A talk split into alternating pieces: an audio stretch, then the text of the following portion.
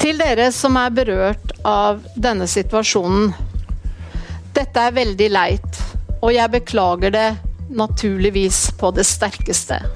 Veldig leit var ordene Nav-direktøren brukte da hun innrømma at Nav har tolka reglene gærent. Folk havna i fengsel for noe som egentlig ikke var ulovlig. Det blei ikke stoppa, og nå kommer oppvasken. Jeg heter Tor Erling Tømt Ruud, og dette er Verdens Gang.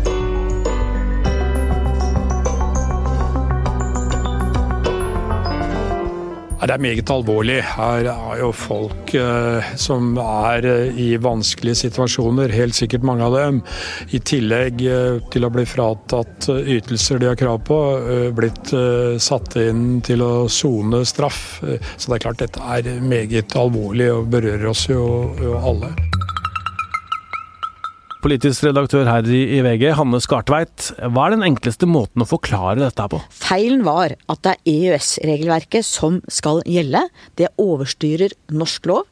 Nav har holdt fast på de norske reglene som har vært særnorske, og som ikke er forenlig med EU EUs regelverk på disse feltene, og de fire frihetene som ligger i EØS-avtalen. Derfor har de rett og slett brukt feil lover, og satt folk i fengsel uten å ha lovgrunnlag for det. Og de norske reglene sa at du kunne ikke få penger fra Nav mens du var i utlandet. Og det er jo egentlig, kan godt si at det er rimelige regler. Kan godt si at det er feil at folk kan liksom bli sjukmeldte og så reise på ferie hvor de vil i verden, ikke sant? Eller hvor de vil i EU, da. Eh, og det kan være gode argumenter for det, men poenget er at loven er ikke sånn. Og da kan du ikke, du kan ikke praktisere en lov som ikke er gyldig. Det kom en forordning fra EØS i 2012 som man rett og slett ikke har fulgt opp. Hva er det som kom i 2012 som forandra dette?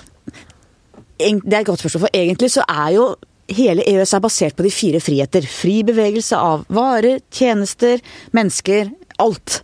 Eh, og så har man da ønsket å beskytte norske trygdeordninger ved å ha særnorske regler, sånn at man skal få trygd hvis man bor i Norge, skal man få trygd. Og så har det vært veldig strenge regler i Norge på at du kan ikke reise ut, kan ikke være sykemeldt og sitte i Syden, liksom.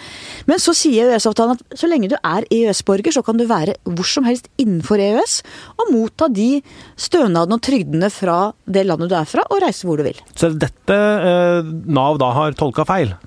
Ja, og det er ganske utrolig. Jeg sitter nå og leser opp i en Brochmann-utvalgets innstilling, altså Grete Brochmann, som laget to rapporter om velferdsstaten i møte med innvandring. Og den første rapporten kom i 2011. Der er det helt krystallklart at man kan ta med ytelser ut. At noe av utfordringen for Norge, som har veldig høye trygdeytelser sammenlignet med andre land, særlig i Sør-Europa og Øst-Europa, at det er vanskelig med vi har så høyt nivå, og hvem som helst kan komme hit og, og jobbe litt og få de ytelsene. Det problematiserte de veldig, og det var den store politiske debatten også allerede i 2011. 49 år gamle Heidi Skjetne blir dømt til 40 dager betinget fengsel i Bergen tingrett, med to års prøvetid. Hun hadde bodd i en periode i Spania sammen med familien sin mens hun fikk arbeidsavklaringspenger.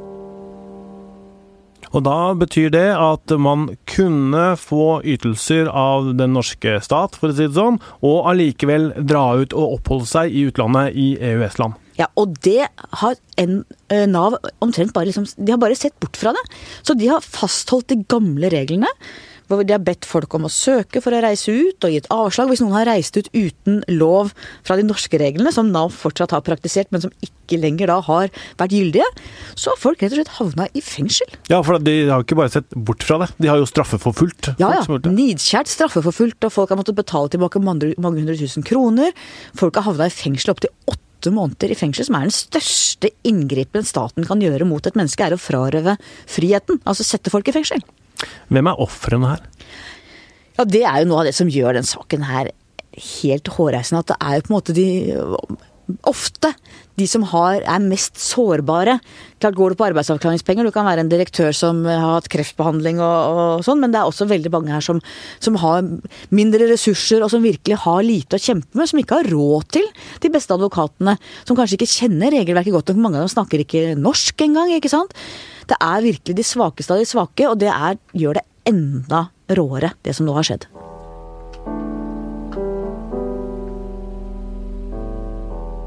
Svaksynte Erik Skjoldheim på 38 år blir dømt til 60 dagers fengsel, der fullbyrdingen av straffen utsettes med en prøvetid på to år.